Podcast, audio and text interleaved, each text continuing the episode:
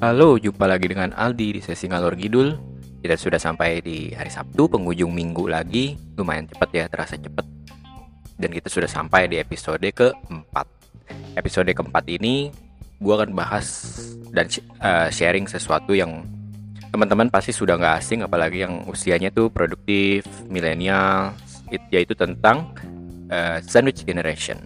Jadi kalau kalau gue lihat Google Sandwich Generation itu definisinya adalah orang-orang dengan usia 40 sampai 50 spesifik yang masih harus membiayai orang tuanya, tapi dia juga harus membiayai anak-anaknya gitu.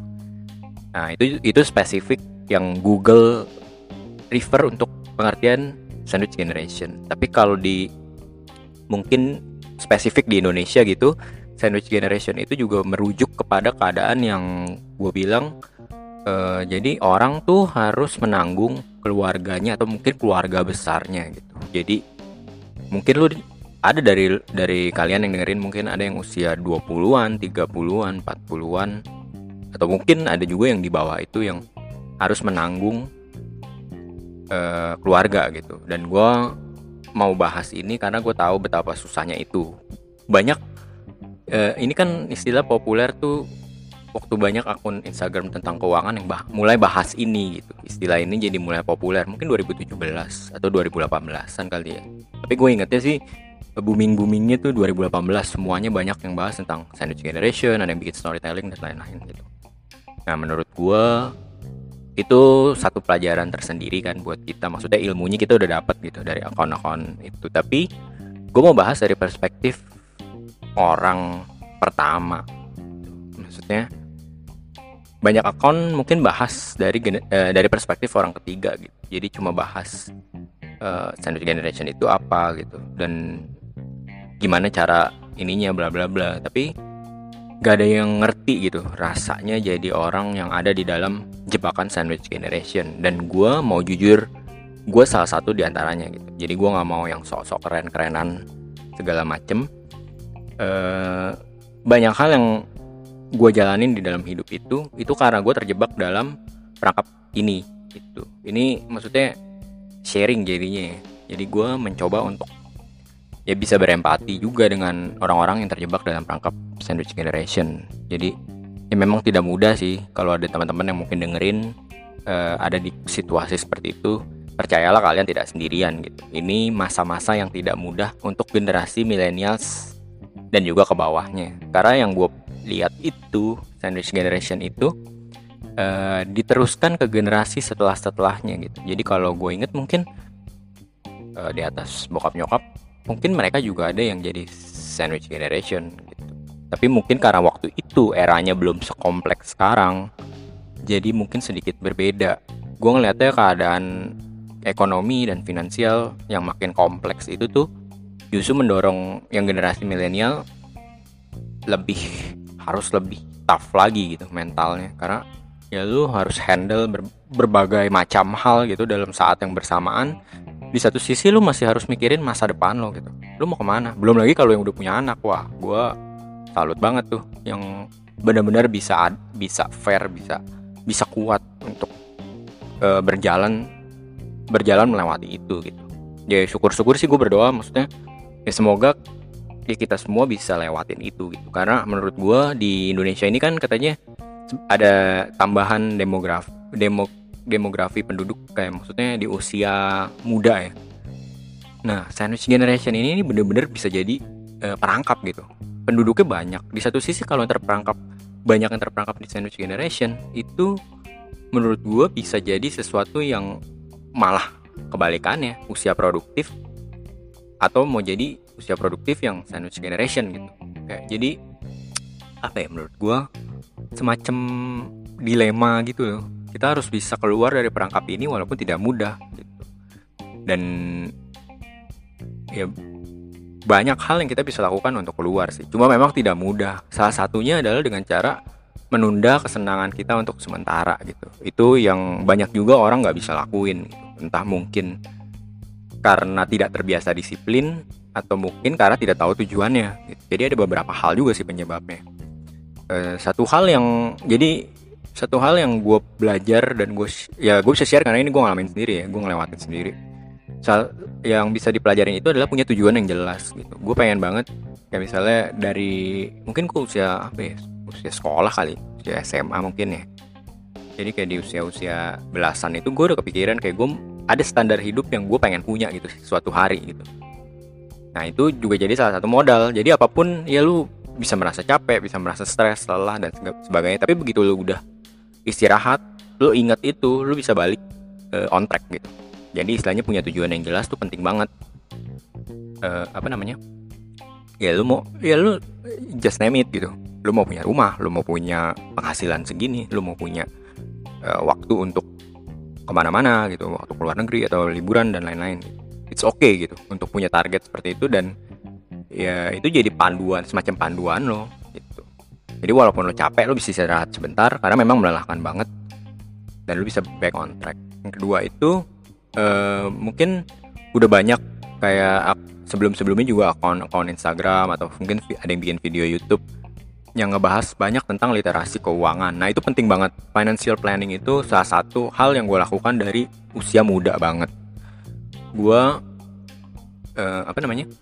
Banyak hal yang gue udah bisa ngerti secara otodidak sih ajaibnya karena waktu ya waktu gue agak mudaan berarti 2000 2008, 2009, 2010 itu gue udah mulai planning sendiri gitu gak ada in, gak ada Instagram yang ada cuma Twitter dan ya kadang-kadang gue suka lihat misalnya tweet-tweetannya Liquina Hananto misalnya.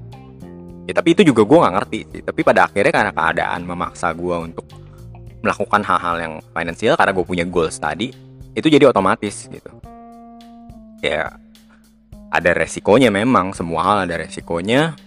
Resikonya yang waktu itu gue alamin ya gue nggak punya masa muda yang menyenangkan bisa dibilang seperti itu. Kalau kalau anak-anak kuliah lain mungkin ya ada juga yang clubbing atau kayak ke mall ngopi segala macam yang mahal. Gue nggak bisa gitu. Ya udah lu stay di lifestyle yang itu aja.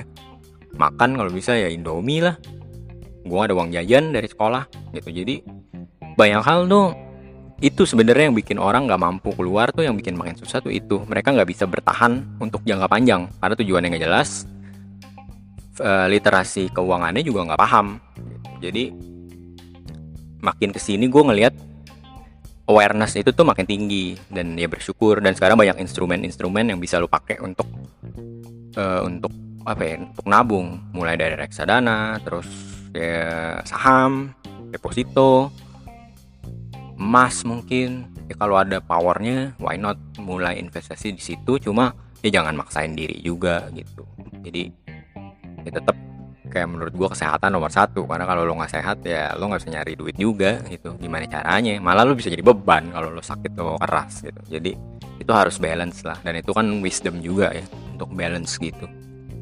Jadi tuh itu sih yang pertama tahu tujuan. Kedua penuhi diri lo maksudnya belajar dengan literasi literasi keuangan yang bikin melek. Banyak hal yang lo harus rencanain di awal mulai makin muda tuh makin bagus banget gitu. Salah satu hal yang gue belajar bahkan enggak sih gue lakukan pada saat bahkan pada saat gue mas masih awal banget itu adalah punya asuransi pribadi asuransi kesehatan ya. Jadi gue mikirnya cuma gini kalau misalnya gue kenapa-napa gue nggak ngerepotin orang karena ya siapa yang bisa backup? Gue istilahnya yang pemain utama di panggung ini gitu. Gue nggak boleh sampai sakit kalau bisa jangan sampai kenapa-napa gitu. Ada yang cover. Itu penting loh dipikirin. Jadi itu salah satu pikiran yang apa ya kita mulai berpikir tuh strategis jangka panjang gitu. bukan soal promosi asuransi ya tapi itu salah satu hal yang penting gitu. Banyak generasi muda yang akhirnya kejebak karena mungkin itu udah stres juga kan.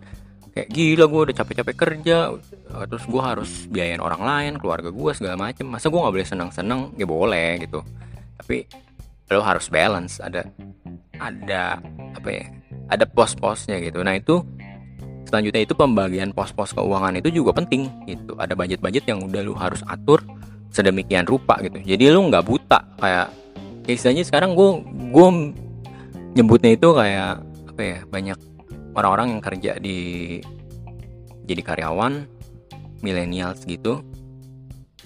Mereka tuh terjebak dalam mindset mindset tukang sulap gitu. Baru gajian itu hilang. Kan tukang sulap tuh. Ya itu istilah aja sih. Maksudnya kayak ya ya memang seperti itu. Ya karena terus bedanya apa kalau sama yang udah usaha dari awal? Usaha tuh sangat berat gitu. Mau nggak mau lo harus menyesuaikan diri kalau kalau gaya hidup lo seperti itu pasti akan bangkrut. Jadi menurut gua mungkin ngomongin ke buat yang milenial milenial yang kerja gue bilang sih ya lu mulai harus mikirin banyak sih di arah itu gitu. Karena ya kalau lo memang gak punya tujuan hidup juga ya mustahil mau hidup lo bisa berubah tiba-tiba keluar dari dari sandwich generation atau apalah gitu kayak gak akan gitu. Awal-awal memang lu harus bangun momentumnya dan itu yang paling susah gitu. Gue bisa ngomong ya karena ngalamin sendiri dan itu nggak gampang. Perlu selain susah lu perlu kesabaran dan konsistensi juga gitu. Ya setidaknya 5 sampai 10 tahun deh lu bener-bener sabarin kalau lu ada di sandwich generation ya. Maksudnya kalau lu ada privilege ya orang tua lu mampu terus lu udah punya rumah dikasih gitu misalnya kayak udah nih buat lu gitu. Lu udah punya segala macem ya itu lebih mudah karena lu tinggal nabung kan. Lu tinggal belajar mengelola keuangan dan mengelola keuangan itu juga nggak gampang gitu. Karena ya itu ada faktor disiplin ada faktor lo harus menahan kesenangan diri sendiri dan segala macem gitu gue bisa ngomong gini karena ya gue udah lakuin itu dari muda banget. Jadi udah jadi semacam habit gitu. Kalau orang nanya ke apa ya nanya apa ke gue ya gue bisa kasih tahu yang sesuai pengalaman gue gitu. Nggak yang emang nggak yang dengan pengetahuan finansial yang tinggi banget. Karena ya gue pun juga masih belajar ya, soal reksadana soal saham dan lain-lain gitu. Dan memang arahnya ke situ mungkin ya. ya banyak lah maksudnya sekarang ilmu bisa didapat dari dari siapa dan dari mana aja gitu. Gue bahkan banyak belajar dari uh, ya yang lebih muda gitu tentang tentang ya reksadana keuangan dan lain-lain. Jadi menurut gue jangan takut nanya juga. Jangan takut nanya lo tanyain aja semuanya tuh. Orang-orang yang bisa lo tanyain tentang keuangan tentang bisnis mungkin kalau lo emang. Pokoknya yang yang yang berjalan sesuai dengan tujuan hidup lo gitu. Lo bisa tanya-tanyain tuh orang-orang yang ahli. Jangan mandang umur lah. Mau yang tua mau yang muda. Kadang-kadang yang muda juga sekarang gokil loh maksudnya. Ya pengetahuannya tentang keuangan tentang bisnis tuh luar biasa. Apalagi mereka punya modal pemahaman teknologi yang ya menurut gua sangat signifikan meningkatnya dibandingin generasi-generasi sebelumnya. Walaupun ya gue juga generasi milenial cuma ya perbatasan lah. Sih namanya? Generasi Y ya jadi kira-kira gitu. Nah mungkin buat teman-teman banyak yang ah lu enak atau mungkin lu ini kali. Tapi gue kayak berusaha jujur aja sih. Memang ini satu hal yang ya gue jalanin sendiri gitu. Dan terbukti ada yang nyampe ada yang enggak juga memang. Tapi terbukti maksudnya manusia itu bisa menyesuaikan diri sesuai dengan keadaannya. Mau berat mau gampang tergantung lu nya gitu. Jadi kayak yang gue mau ajak teman-teman yang yang terjebak di sandwich generation itu kayak jangan nyerah dulu gitu. Gue bisa berempati dan gue bisa bisa ngomong gini karena gue merasakan gitu. Dan banyak lah maksudnya apalagi kalau lo udah punya anak gitu. Itu udah beda lagi tuh ceritanya maksudnya biar anak lo nggak terjebak di situ kayak kadang-kadang kita juga harus nyiapin sesuatu gitu. Ya mungkin ya paling yang paling sederhana asuransi jiwa sih sebenarnya gitu. jadi cuman ntar lama-lama gue dikira promosi asuransi gitu. Jadi jadi kayaknya mungkin itu next topic lah ya. Tapi ya memang hal-hal seperti ini harus kita mulai pikirin dari awal lah. Jangan takut gitu loh. Banyak nah ini juga salah satu nih perangkapnya. Kita tuh takut punya rasa takut kalau ekspektasi kita nggak nyampe gitu. Kayak misalnya lu udah rencanain lu punya tujuan hidup pengen punya pengen punya gaya hidup segini gitu. Tapi lu merasa mungkin lu orang yang kurang motivasi gitu. Jadinya lu merasa ada rasa takut kayak ah ntar gue kecewa nggak nyampe gitu. Tapi menurut gue sih itu sesuatu yang ya lu bisa atur gitu. Seberapa jauh lu mau termotivasi untuk mencapai itu. Dan apa ya motivasi itu kan oke okay, lu bisa dapetin asal lu tahu why-nya gitu. Nah ini juga jadi the whole another topic nih belajar tentang why gitu. Nah gue nggak mau bahas ke situ dulu. Gue mau lebih uh, jauh maksudnya bahas gimana cara keluar dari sandwich generation ini maksudnya tapi sharing ya gue nggak menggurui karena masih banyak orang yang lebih jago dan dan gue masih gue juga masih berusaha gitu masih berusaha membangun sesuatu untuk bisa keluar dari situ. Cuma memang ini fakta ini real real problem terus bentrok juga dengan keadaan-keadaan lain misalnya dengan fakta-fakta kayak yang katanya millennials itu jumlahnya banyak produktif. Tapi terancam kita nggak bisa punya rumah itu di daerah Jakarta gitu misalnya. Jadi semuanya harus minggir. Minggir pun sekarang juga udah mahal gitu. Kalau misalnya lo ke daerah kayak Serpong atau PSD atau apa ya udah satu eman juga gitu. Jadi ya belajar tentang keuangan tuh salah satu modal utama sih. Tapi ini juga jadi apa ya jadi dilema banget buat orang-orang sandwich generation. Kenapa? Karena kita juga harus tahu ada mitos-mitos tentang kekayaan. Nggak mitos sih sebenarnya. Zaman dulu mungkin jadi realita gitu. Karena keadaannya seperti itu. Tapi zaman sekarang zaman sekarang tuh jadi somehow bisa dibilang tepat bisa dibilang enggak juga ya. Gue juga jadi bingung. Ini kita lagi ada di masa yang ya lumayan susah. Kalau ya, ya ini ngomongnya untuk yang sandwich generation dan ya kondisi ekonominya memang lo tulang punggungnya ya. kalau yang orang tuanya mampu ya itu beda urusan lah. Itu pasti. Ya gue nggak mengecilkan tapi eh, lo jauh lebih bisa gitu. Kayak maksudnya ya tinggal ya tadi yang gue sempet bahas ya tinggal cara lo mengatur keuangan aja gitu. Ya itu juga nggak gampang. Cuma kalau lo sandwich generation lo berlapis-lapis tuh harus mikirnya Nah ini maksud uh, lanjut yang tadi ya. Ini ada beberapa wealth mitos gitu yang gue baca dan gue alamin sendiri itu adalah soal properti atau rumah. Itu punya rumah. Banyak meng ya orang tua kita zaman dulu biasa kan gitu ya udah lu mesti beli rumah dulu atau se sebagainya masalahnya zaman sekarang harga rumah nggak semurah zaman dulu penduduknya lebih dikit terus keadaan ekonominya lebih gampang nggak ada nggak ada tuh sandwich generation sandwich generation gitu. Ya istilahnya ya udah lu hanya hidup. Ya pokoknya lu dagang lah istilahnya. Misalnya kalau dagang atau lu kerja aja udah tutup mata gitu. Ya sekarang nggak bisa kayak gitu. Keadaan lebih susah zaman lebih susah. Lebih kompleks sih gue bilangnya. Maksudnya kalau susah itu kan relatif ya. Lebih kompleks.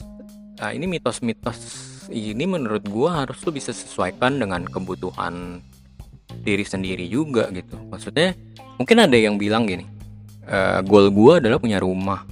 Tapi ya saran dari gue adalah jangan maksain gitu. Karena ya mungkin buat sebagian orang harus gitu. Tapi buat sebagian orang pasti kan ada yang kayak bener gak sih? Gue perlu beli atau sebagainya. Jangan maksain diri. Gitu. karena itu rumah itu kalau lo nggak tahu cara pakainya itu lo bisa jadi jadi beban jadi expense jadi menurut gue lu harus tahu dulu lu mau beli rumah itu beneran buat ditempatin dan berguna atau lu kayak mau sekedar ikut-ikutan? Kayak katanya rumah itu eh, apa investasi pasif income dan lain sebagainya. Kalau lu tahu cara makainya gitu. Ini gue sharing sedikit. Salah satu kesalahan terbesar gue dalam hal finansial adalah gue beli rumah di tempat yang jauh. Jadi uh, gue beli rumah itu waktu waktu itu masih umur 25 dan egonya masih gede gitu. itu sekitar tahun 2000 13 akhir kali ya. Gue beli rumah pokoknya gue beli aja. Gitu. ego berasa kayak oh kalau gue udah beli rumah ada checklist yang gue centang gitu. Oke gue berhasil beli rumah gitu. Agak lega nih. Tapi ternyata enggak gitu. Ya, gue masih kerja di Jakarta. Ya kalau rumah gue di pelosok begitu agak susah tuh untuk bolak-balik. Dan memang ternyata uh, aksesnya macet dan belum ada kereta misalnya. Itu jadi keputusan finansial terbesar gue yang bodoh gitu makanya gue bisa bilang bahwa topik ini kalau kayak kadang-kadang beli rumah itu lo harus sesuaikan dengan keadaan lo dulu. Kalau lo misalnya dikasih duit warisan misalnya 1 M ya terserah lo deh. Tapi kalau misalnya lo masih bersusah payah keluar dari jerat-jerat apa ya namanya istilahnya sandwich generation ini ya gue sih sangat menyarankan jangan maksain diri. Ya kemarin ada obrolan sama teman gue gue mau beli di sini apartemen bla bla bla terus lo harus bener gue saran gue cuma satu lo harus bener-bener mikirin sebelum ngambil karena kalau lo dari istilahnya dari ekonomi yang biasa aja lo beli rumah itu bisa jadi expense gitu. Apalagi lo nggak misalnya ada ada rencana misalnya gue mau nyewain kok gue mau investasiin kok terus gue jual lagi. Maksudnya properti itu nggak segampang itu lo mengelolanya kalau lo masih sibuk dengan urusan ya pekerjaan lo sehari-hari lo bisnis lo segala macam gitu. Jadi emang nilainya naik gitu. Cuma lo juga pada saat menunggu nilainya naik itu lo ada biaya perawatan biaya lain-lain gitu. Kayak biaya listrik air tetap jalan kan misalnya. Apalagi kalau apartemen gitu. kayaknya lumayan. Ada tetap ditagih lah tiap tahun segala macem gitu. jadi itu satu hal yang lo mesti pikirin. Ada juga kan yang rela ya udah gue apa apa gue beli rumah tapi gue ngirit gitu. Nah itu. Itu juga jadi dilema karena istilahnya eh, lo bisa pakai duit lo itu untuk hal yang lain dulu gitu untuk mungkin investasi dulu yang lain gitu. Kalau tujuan lo beli rumah investasi ya. Kalau untuk ditempatin oke okay lah. Maksudnya gue masih bisa melihat ya itu ada urgensinya juga sih. Dibanding lo nyewa ya ada benernya juga. Gue juga gak nyalain gitu. Cuma yang untuk investasi beli rumah sebagai keharusan centang list. Kalau lo umur segini mesti punya ini mesti punya itu gue bilang jangan. Kita tuh ada di era yang di satu sisi susah tapi di satu sisi gampang gitu. Bukan gampang banyak hal yang bisa menunjang kita untuk mencapai goal-goal kita dan jangan dipaksain gitu. Pada akhirnya yang gue belajar itu dari kesalahan gue itu adalah hmm, ya itu jangan maksain diri untuk ego lu gitu. Terus mungkin ada yang nanya gitu. Mungkin ada yang mikir bukan nanya ya. Mikir selama gue ngomong ini mungkin ah, mungkin lo ini kali lo emang banyak duit sebeli rumah dan lain sebagainya. Gue bisa bilang enggak gitu. Gue beli rumah pada saat kondisi gue masih karyawan gitu. jadi kayak gue bilang kalau lo mau beli rumah nggak usah nggak usah gaya-gaya jadi bisnis segala macem. Karena bisa jadi lo bisnis malah penghasilan lo turun gitu awal-awal. Ya atau bisa juga berlanjut kalau lo nggak tahu cara cara ngedrive nya gitu. Jadi jadi karyawan itu juga bisa. Banyak kok yang masih KPR gitu. Jadi jadi itu kayak lo apa banyak mitos-mitos beredar di di misalnya di lapangan. Lu mesti bisa filter tuh. Karena ya mereka cuma bikin konten gitu. Kita nggak tahu real experience-nya apa yang bikin udah pernah ngalamin beli rumah terus nggak kepake gitu. Atau udah pernah ngalamin beli rumah dari nol lu sandwich generation gitu. Gue yakin belum tentu gitu. Karena mereka cuma bikin konten ya mereka nggak mikirin gitu. Yang penting ya lu belajar gitu. Cuma kan ini real life experience gitu sebenarnya. Medannya ini susah gitu. Gue juga masih nyari cara gimana caranya supaya gue bisa uh, punya properti di Jakarta gitu. itu nggak gampang karena harganya udah dua eman seeman minimal eman. Itu juga udah agak jauh. Ya, tapi itu jadi satu satu challenge sih. Mungkin itu juga apa ya karena tujuan hidup yang jelas jadi terbiasa dengan itu. Gue bisa bermain dengan oke okay, gue mesti ada ini gue mesti ini. Gitu. mesti melakukan ini gue mesti mencoba ini gagal nggak apa-apa gitu. Tapi mungkin ya buat teman-teman yang lagi ngalamin gitu ya gue tahu sih maksudnya rasanya juga itu sangat tidak mudah sangat tidak mudah. Itu drain your energy belum ada yang belum kalau ada kasus yang uh, nanggung dalam arti kayak eh gue minta duit dong eh gue minta duit dong. Nah itu juga akan bikin perjalanan lo jauh lebih nggak gampang. Jadi ini satu masalah yang kita mungkin harus selesaiin bareng-bareng dengan sharing dengan belajar gitu. Dan pendidikan juga memegang peranan penting. Jadi mungkin kayak gue bisa simpulin yang pertama kayak tahu goal lo atau tujuan hidup lo terus mau ke mana gaya hidup seperti apa yang lo inginkan itu lo mesti bisa tuangin itu dalam ya kalau perlu lo tulis gitu. Kedua itu uh, belajar tentang literasi keuangan atau kalau lo mau belajar tentang hal-hal lain tentang bisnis ya well itu, itu bagus banget terus berikutnya lu harus bisa menunda kesenangan dan disiplin lalu berikutnya tadi apa ya yang gue bilang itu jangan terburu-buru untuk memutuskan sesuatu terutama hal-hal yang nilainya lumayan gitu. jangan termudah tergoda lah dengan investasi atau kayak kata orang ini begini lu harus cari research dulu berdasarkan data dan lu harus tahu uh, cari orang-orang yang memang memang terbuka dan jujur dan nggak ada niat apa apa sama lo kayak misalnya menjual sesuatu itu lo harus tahu gitu. lo harus bisa persiapin keuangan keuangan lo pos-posnya tuh dari awal. Terus juga jangan kebawa mitos kayak tadi yang gue bilang soal rumah gitu. Jangan kebawa mitos-mitos finansial. Gue sebenarnya menarik nih dari pengalaman pribadi. Gue lagi baca buku yang The Millionaire Master Plan di Roger James Hamilton. Dia juga sebutin ada wealth myth gitu ada lima wealth myth dan salah satunya itu yang tadi gue bilang jadi pasif income tipuan pasif income gitu gitu jadi dia bilang ya properti salah satunya. Lu beli rumah mengharapkan itu jadi passive income nilainya naik bla bla bla tapi lo lupa. Lu punya keadaan lo mapping lo pada saat itu keuangan lo gimana? Gitu kalau lu punya rumah tapi lu tiap hari misalnya misalnya makan tempe terus lu jadi super irit super pelit lawan gober gue bilang juga nggak bijak sih. Maksudnya kayak ya taruh lah. Misalnya lu jadi kebeli gara-gara hal itu gitu jadi kebeli rumah gara-gara hal itu. Tapi totonya habis kebeli rumah lu mati gitu.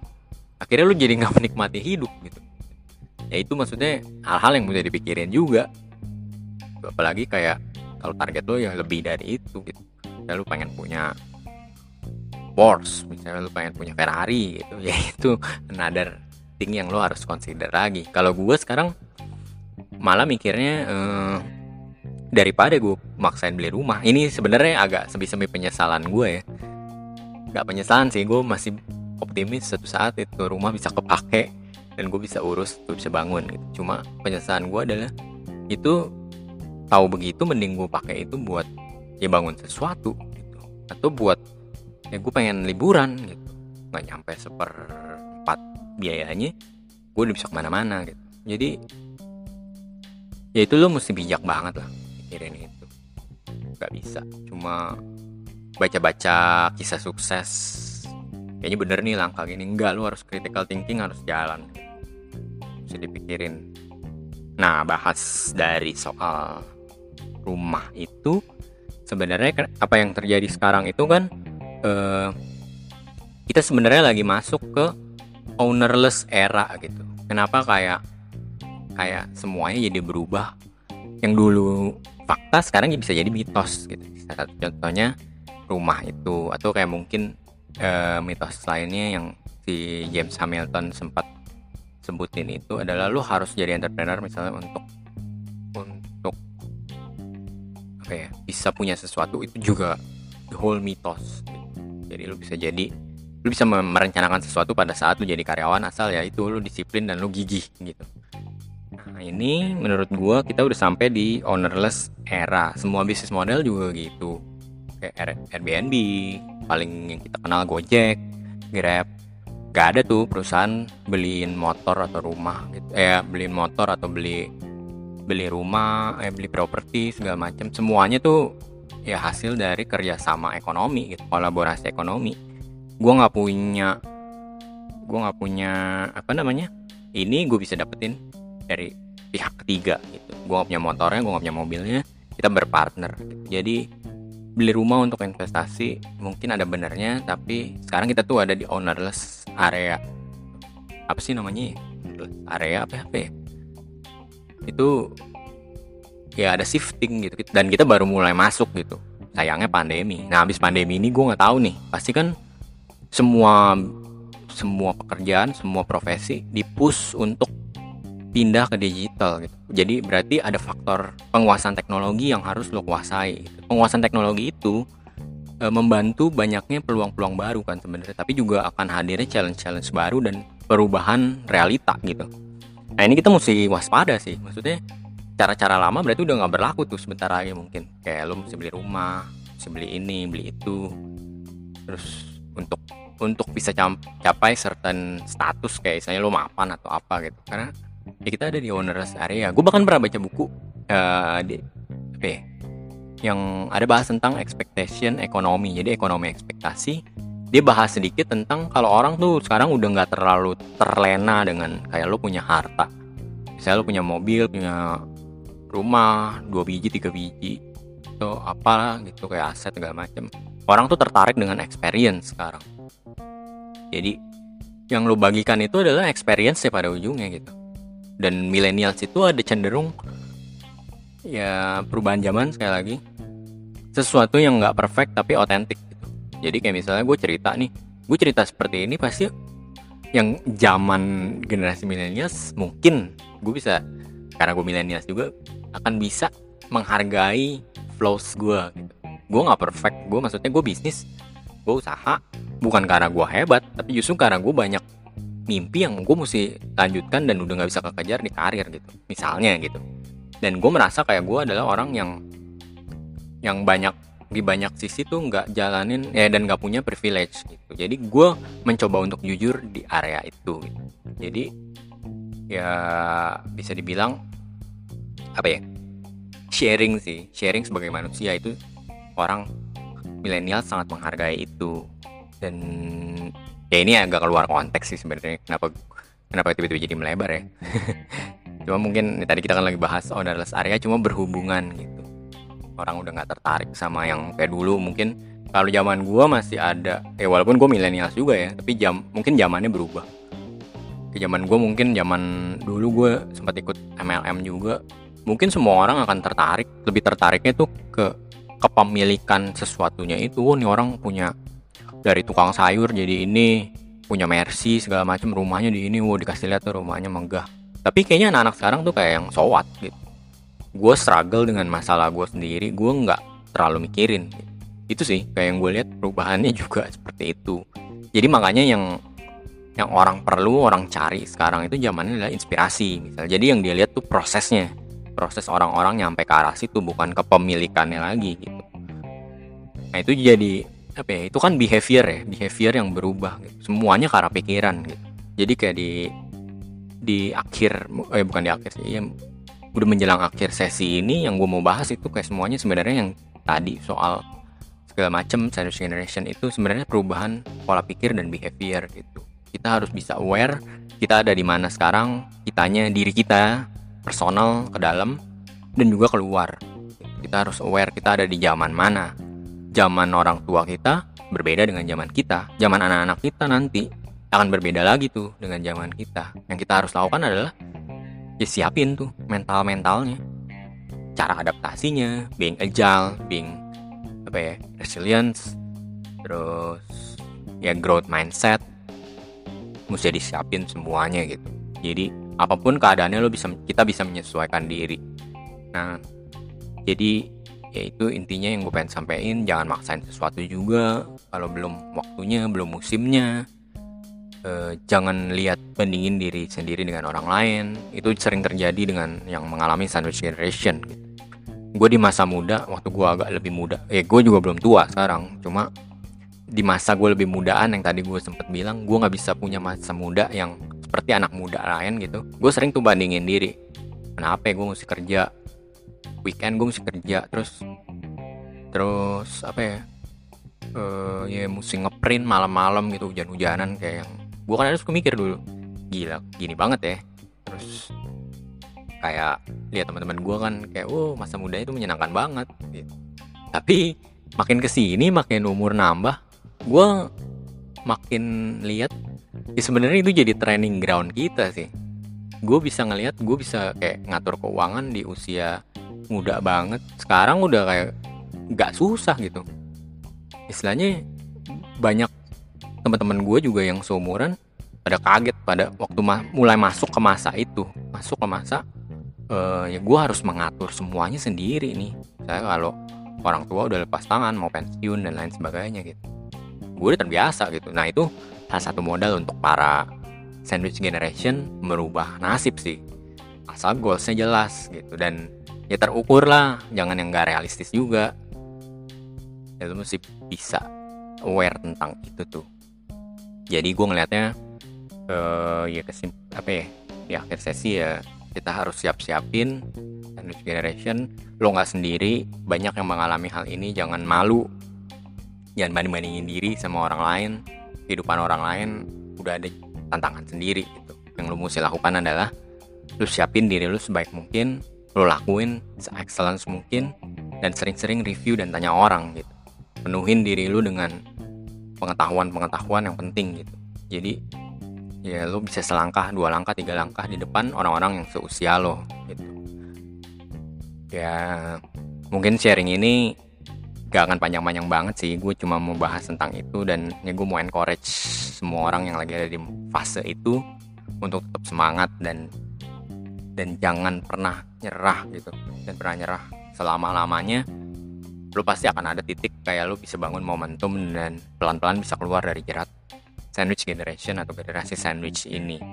Jadi anak-anak kita harus harus kita udah mulai pikirin supaya mereka nggak ngalamin yang kita alamin sekarang gitu dan itu persiapan selalu jangka panjang. Keuangan tuh selalu apa sih?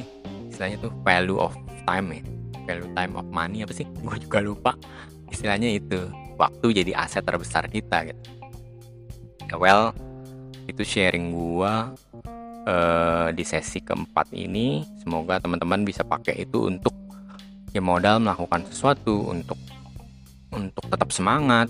Karena kalian gak sendiri sekali lagi gue akan selalu mengencourage orang untuk bisa selalu menyesuaikan diri dengan zaman dan keluar dari pola pikir pola pikir yang gak pakai gitu.